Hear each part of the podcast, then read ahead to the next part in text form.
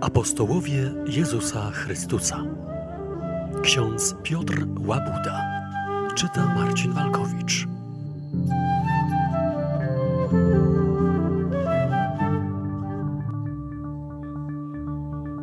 Święty Jakub Starszy, pierwszy z dwunastu, męczennik.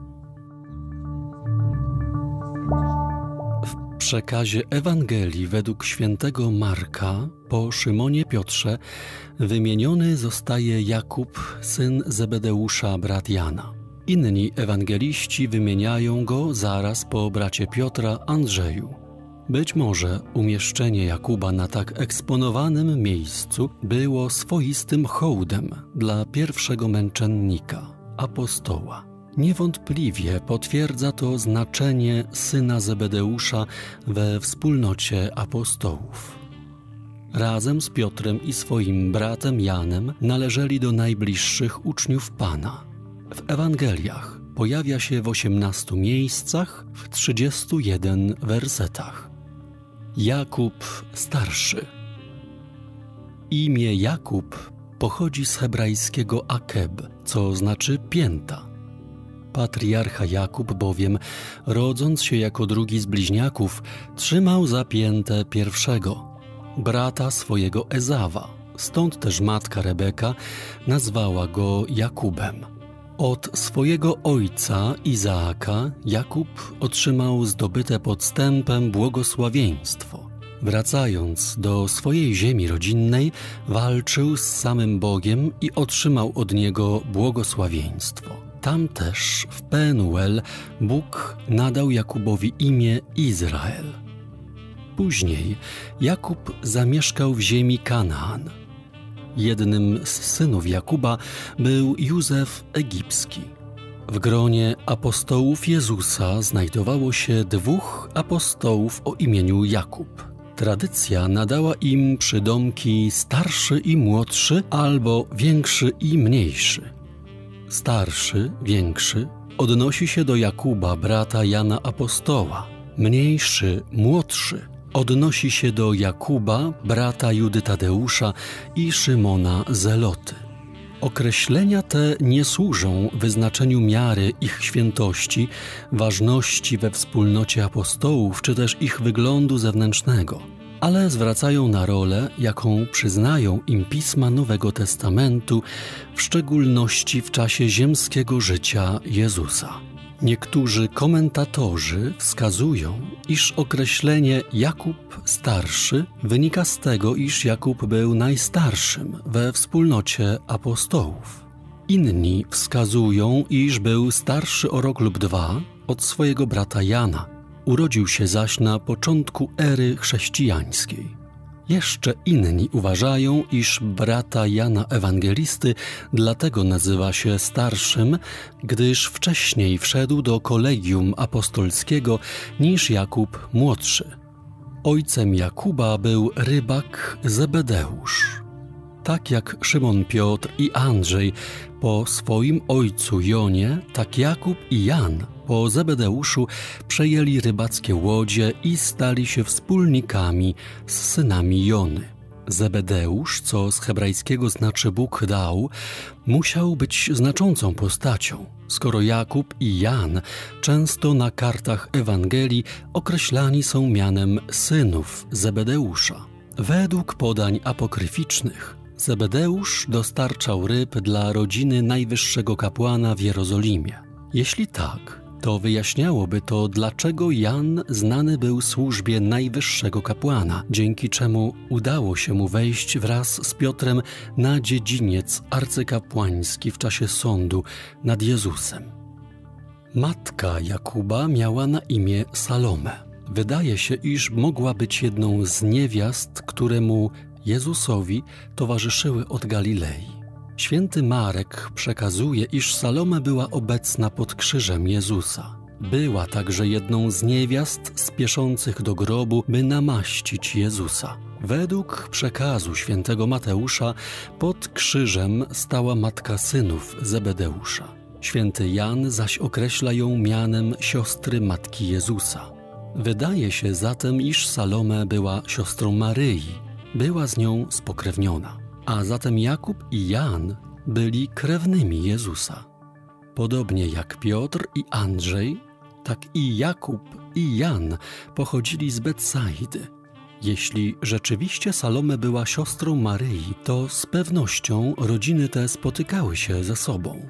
Z pewnością Jakub i Jan wraz z Jezusem spędzali wiele czasu nad jeziorem galilejskim.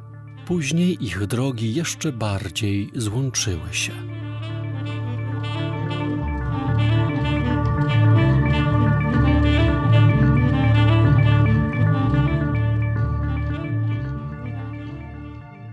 Z mistrzem w Galilei i w drodze do Jerozolimy. Zaraz na początku swojego czasu głoszenia dobrej nowiny, wzywania czas się wypełnił i bliskie jest Królestwo Boże, Jezus powoływał pierwszych swoich uczniów.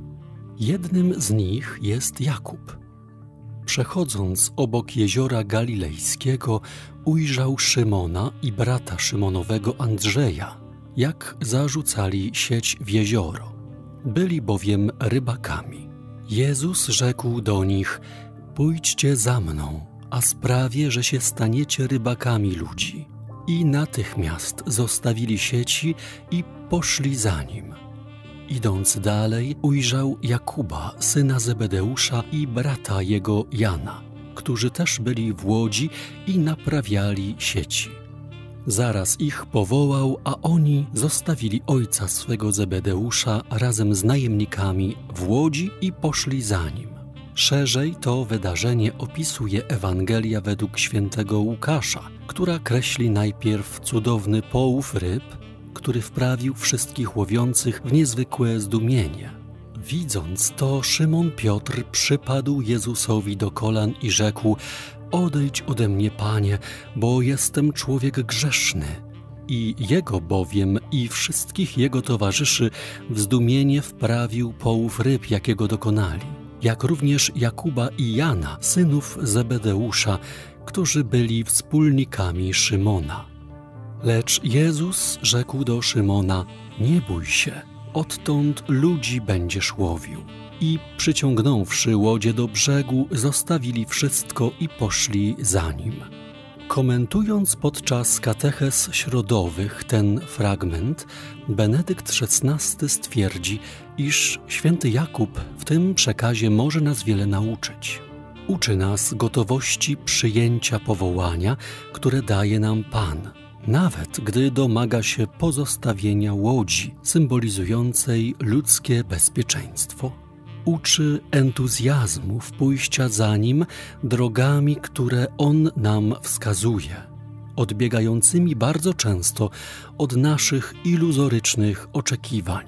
Uczy nas gotowości świadczenia o Nim z odwagą, a gdy potrzeba, aż do złożenia najwyższej ofiary z życia. Jakub i Jan byli świadkami uzdrowienia opętanego w synagodze w Kafarnaum. Potem, zaraz po wyjściu z synagogi, przyszedł z Jakubem i Janem do domu Szymona i Andrzeja. Teściowa zaś Szymona leżała w gorączce. Zaraz powiedzieli mu o niej. On podszedł do niej i podniósł ją, ująwszy za rękę. Gorączka ją opuściła, a ona im usługiwała. Wraz z Piotrem i swoim bratem Janem Jakub należał do szczególnie ważnych uczniów Jezusa.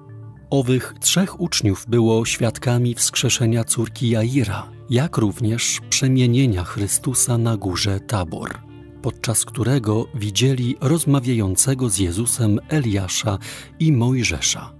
Święty Marek, wymieniając dwunastu, których Jezus powołał, aby mu towarzyszyli, by mógł wysyłać ich na głoszenie nauki i by mieli władzę wypędzać złe duchy, przekazuje, iż Szymon otrzymał przydomek Piotr, Jakub zaś i Jan zostali nazwani Boanerges, to znaczy synowie gromu.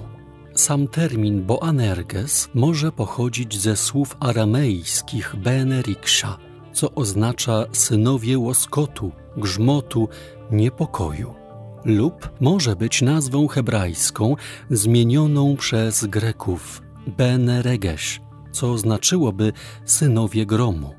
W języku łacińskim toni trui, czyli grzmiący. Wydaje się, iż przydomek ten łączy się z wydarzeniem przekazanym przez Ewangelię według świętego Łukasza. Oto gdy dopełnił się czas wzięcia Jezusa z tego świata, postanowił udać się do Jerozolimy i wysłał przed sobą posłańców. Ci wybrali się w drogę i przyszli do pewnego miasteczka samarytańskiego, by mu przygotować pobyt. Nie przyjęto go jednak, ponieważ zmierzał do Jerozolimy. Widząc to, uczniowie Jakub i Jan rzekli: Panie, czy chcesz, a powiemy, żeby ogień spadł z nieba i zniszczył ich? Lecz on, odwróciwszy się, zabronił im i udali się do innego miasteczka. Uczniowie widzieli, jak wielką moc nad żywiołami, ludźmi, złymi i dobrymi mocami posiada Jezus. Stąd też wydaje się, iż chcieli skłonić mistrza do zemsty, do ukarania niegościnnych i znienawidzonych przez Żydów mieszkańców Samarii. Inni komentatorzy wskazują, iż przydomek synowie gromu dla każdego Żyda w owym czasie miał znaczenie głos Boży. A zatem Jakub i Jan nie byliby Boanerges ze względu na ich fanatyzm, ale na ognisty temperament, wielką siłę i całkowite oddanie Bogu. Prawdopodobnie nadany przydomek zawiera całość powyższych wskazań. Niewątpliwie synowie Zebedeusza byli zapalonymi i bez reszty oddanymi uczniami mistrza. Byli zapatrzeni w Jezusa. Stąd też stali się tymi, którzy w sposób nieprzejednany i absolutnie szczery, nieustraszenie, otwarcie i bez niedomówień głosili prawdę Ewangelii. Jak grom z nieba, tak i Jakub i Jan zwiastują królestwo i prawdę Jezusa Chrystusa. Według świętego Mateusza, gdy Jezus zbliżał się do Jericha, gdy po raz trzeci zapowiedział swoją mękę, śmierć i zmartwychwstanie, wtedy podeszła do niego matka synów Zebedeusza ze swoimi synami i oddając mu pokłon, o coś go prosiła. On ją zapytał: Czego pragniesz? Rzekła mu: Powiedz żeby ci dwaj moi synowie zasiedli w Twoim królestwie, jeden po prawej, a drugi po lewej Twej stronie. Odpowiadając, Jezus rzekł: Nie wiecie, o co prosicie. Czy możecie pić kielich, który ja mam pić? Odpowiedzieli mu: Możemy. On rzekł do nich: Kielich mój pić będziecie. Nie do mnie jednak należy dać miejsce po mojej stronie prawej i lewej, ale dostanie się ono tym, dla których mój ojciec je przygotował. Gdy dziesięciu pozostałych to usłyszało, oburzyli się na tych dwóch braci. A Jezus przywołał ich do siebie i rzekł: Wiecie, że władcy narodów uciskają je, a wielcy dają im odczuć swą władzę. Nie tak będzie u was. Lecz kto by między wami chciał stać się wielkim, niech będzie waszym sługą a kto by chciał być pierwszym między wami, niech będzie niewolnikiem waszym. Na wzór Syna Człowieczego, który nie przyszedł, aby mu służono, lecz aby służyć i dać swoje życie na okup za wielu. Przekazując powyższe wydarzenie, święty Marek zapisze, że to sam Jakub i Jan przyszli z tą prośbą do Jezusa. Święty Mateusz, który był świadkiem tego wydarzenia, Marek znał je tylko z relacji, być może apostoła Piotra, umieszcza w nim również matkę Jakuba i Jana. Niewątpliwie była to prośba synów Zebedeusza, którzy myśleli o Jezusie i Jego królestwie w kategoriach ziemskich, jak wielu Żydów w owych czasach. Oczekiwali oni, iż Mesjasz będzie politycznym przywódcą, który pozbawi Rzymian władzy sam zaś zostanie królem. Oczekując tego ziemskiego królowania Jezusa, proszący chcieli, by Jezus uczynił swoich kuzynów drugimi w hierarchii władzy. Pytanie Jezusa, czy możecie pić kielich, który ja mam pić, odczytali jako pytanie o chwałę i zaszczyty. Stąd też pełna radości odpowiedź tak, możemy. Odpowiedź Jezusa jest z jednej strony zapowiedzią cierpienia i upokorzenia, którego synowie doświadczą, z drugiej strony jest niezwykle ważnym pouczeniem, iż fundamentem wszystkiego winna być miłość przejawiająca się w służbie.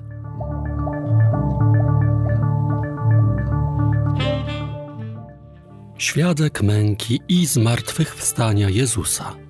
Jakub wraz z Piotrem, Andrzejem i Janem pytają Jezusa o koniec świata. Gdy siedział na górze oliwnej, naprzeciw świątyni, pytali go na osobności Piotr, Jakub, Jan i Andrzej: Powiedz nam, kiedy to nastąpi i jaki będzie znak, gdy to wszystko zacznie się spełniać. Odpowiedź Jezusa jest wezwaniem dla uczniów wszystkich czasów do gotowości na nadejście tego, co niespodziewane, tego, co będzie trudem, wezwaniem do mężnego znoszenia prześladowań. Uważajcie, czuwajcie, bo nie wiecie, kiedy czas ten nadejdzie. Lecz co wam mówię, mówię wszystkim: czuwajcie. Po spożyciu ostatniej wieczerzy Jakub wraz z Piotrem i Janem jest z Jezusem w chwili agonii w ogrodzie Getsemani. Kiedy przyszli do ogrodu zwanego Getsemani, rzekł Jezus do swoich uczniów: Usiądźcie tutaj, ja tymczasem będę się modlił. Wziął ze sobą Piotra, Jakuba i Jana i począł drżeć i odczuwać trwogę. I rzekł do nich: Smutna jest moja dusza aż do śmierci Zostańcie tu i czuwajcie. I odszedłszy nieco dalej, upadł na ziemię i modlił się, żeby, jeśli to możliwe, ominęła go ta godzina. Jakub zatem na górze Tabor doświadczył chwały Chrystusa. Zobaczył przemienionego Pana rozmawiającego z Mojżeszem i Eliaszem. Zobaczył przejawiający się w Jezusie boski blask. W ogrodzie oliwnym zaś zobaczył, jak Syn Boży się uniża, jak doznaje niezwykłego cierpienia i upokorzenia, jak staje się posłuszny aż do śmierci. Wydaje się, iż to drugie doświadczenie stało się dla Jakuba okazją, by dojrzeć w wierze, by skorygować jednostronną, triumfalistyczną interpretację przemienienia. Być może wtedy na górze Tabor polityczne oczekiwania mocniej zagościły w sercu syna Zebedeusza.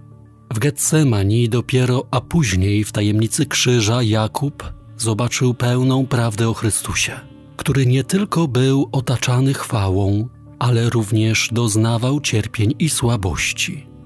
Chwała Chrystusa urzeczywistnia się właśnie na krzyżu w uczestnictwie w naszych cierpieniach, uczy Benedykt XVI. To dojrzewanie w wierze Jakuba zostało doprowadzone do pełni przez Ducha Świętego w dniu pięćdziesiątnicy. Świadkiem śmierci Jezusa na krzyżu była matka Jakuba i Jana Salome. Żona Zebedeusza także wraz z innymi niewiastami udała się po upływie szabatu do grobu, aby namaścić Jezusa.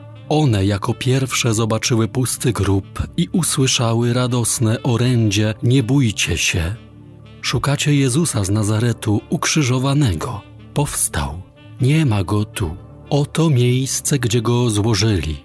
Lecz idźcie, powiedzcie jego uczniom i Piotrowi, idzie przed wami do Galilei, tam go ujrzycie, jak wam powiedział. Z pewnością Salome wiadomości te rozpamiętywała wraz ze swoimi synami. Po początkowym niedowierzaniu Jakub wraz z apostołami doświadcza radości spotkania ze zmartwychwstałym w wieczerniku. Jakub uczestniczy także w drugim cudownym połowie ryb po zmartwychwstaniu Jezusa.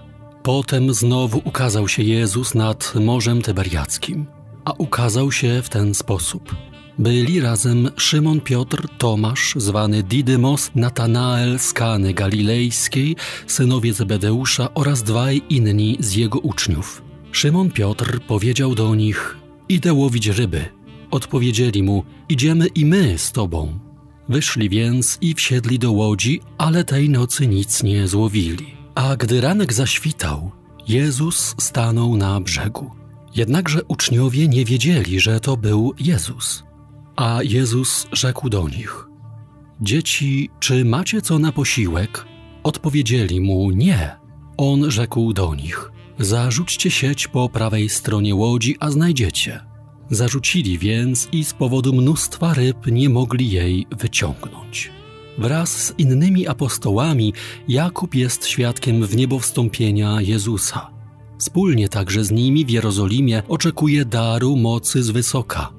Wraz z apostołami, Maryją i braćmi jego, Jakub trwał w wieczerniku na modlitwie, oczekując na dar ducha.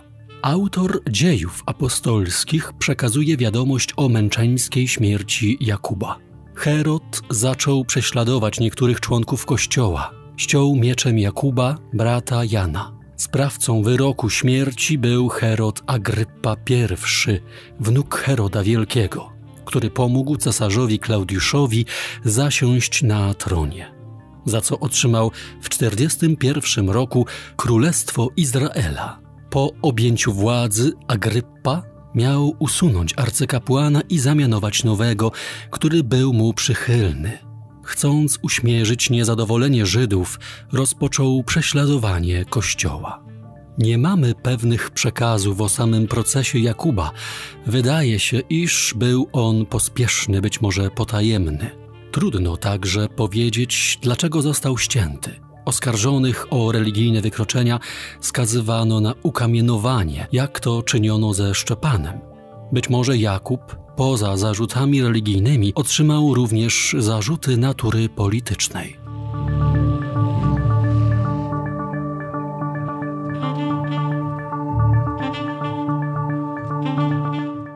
Tradycja i podania. O procesie i śmierci Jakuba nieco więcej dowiadujemy się z przekazu Eusebiusza z Cezarei, który zapisuje świadectwo Klemensa Aleksandryjskiego. Według niego bezpośrednią przyczyną śmierci Jakuba Starszego miało być indywidualne oskarżenie. W tym samym czasie przyłożył król Herod ręki do znęcania się nad niektórymi z kościoła. Ściął tedy mieczem Jakuba, brata Janowego. O tym Jakubie przytacza Klemens Aleksandryjski na podstawie starej tradycji w księdze siódmej swych zarysów zdarzenie godne wspomnienia. Otóż człowieka, którego oddał pod sąd na widok jego męczeństwa, takie ogarnęło wzruszenie, że sam wyznał, iż jest chrześcijaninem. Obydwóch tedy razem, powiada, prowadzono na stracenie. W drodze prosił Jakuba o przebaczenie. Jakub przez chwilę pogrążył się w myślach, a potem rzekł: Pokój tobie. I ucałował go. Tak obydwaj razem zostali ścięci. Ów współmęczennik miał mieć na imię Jozjasz i miał być pisarzem. Inni wskazują, iż Jakub został ścięty bez wyroku, w tajemnicy, w celi zaś owym nawróconym miał być kat Jakuba. Dziś w Jerozolimie w miejscu śmierci Jakuba wznosi się katedra apostolskiego kościoła ormiańskiego. We wnętrzu zdobionym licznymi ikonami, obrazami i setkami srebrnych i złotych lamp znajduje się relikwiarz, który ma zawierać głowę świętego Jakuba. Ormianie także wskazują miejsce pochowania męczennika. Znajduje się tam także krzesło, z którego święty Jakub miał wygłaszać kazania. Miał być bowiem pierwszym biskupem Jerozolimy. Krótkie życie Jakuba od zmartwychwstania Jezusa do męczeńskiej śmierci apostoła, około 44 roku, sprawiło, iż nie powstała literatura apokryficzna o pierwszym z grona dwunastu męczenników powstały legendy, które pełne są cudownych przekazów o podróży świętego Jakuba do Hiszpanii, o licznych czynionych tam przez niego cudach, o wspieraniu z mieczem w dłoni wojsk chrześcijańskich walczących z Maurami. Tradycja podaje, że Jakub Starszy po zesłaniu Ducha Świętego udał się do Hiszpanii. Wraz ze swoimi uczniami głosił dobrą nowinę na północy Hiszpanii od 33 do 43 roku. Potem miał powrócić do Jerozolimy, gdzie poniósł śmierć męczeńską. Przekonanie o pobycie Jakuba w Hiszpanii powstało prawdopodobnie w związku ze sprowadzeniem relikwii świętego Jakuba w VII wieku do hiszpańskiej miejscowości Compostela. Być może szczątki Jakuba trafiły tam po zajęciu przez Arabów Jerozolimy. gdyż obawiano się zniszczenia grobu świętego apostoła. Według jednej z legend, świadkowie męczeńskiej śmierci Jakuba w Jerozolimie mieli zabrać ciało apostoła na łódź i odpłynąć do Hiszpanii. Miejsce, w którym przybyli do brzegu, to według legendy obecna miejscowość Finisterre, z łacińskiego koniec ziemi. Miejsce to było wówczas rzeczywiście końcem świata. Tu kończyło się rzymskie cesarstwo. Anioł miał poprowadzić uczniów świętego Jakuba kilkadziesiąt kilometrów w głąb lądu i wskazać miejsce, gdzie złożono szczątki męczennika. Miało ono, z uwagi na bezpieczeństwo świętego ciała, pozostać tajemnicą. Osiem wieków później odkryto relikwie, które uznano za szczątki świętego Jakuba. Według przekazu legendy Izydora z Sewilli, pustelnik o imieniu Pelagiusz miał objawienie, w którym usłyszał, że pole gwiazd przywiedzie go na miejsce i ukaże mu grobowiec świętego Jakuba. Stąd nazwa miejscowości, w której znajduje się grób świętego Jakuba, Santiago di Compostela. Od łacińskich słów Campus Stelle, pole gwiazdy oraz Santiago, od imienia święty Jakub.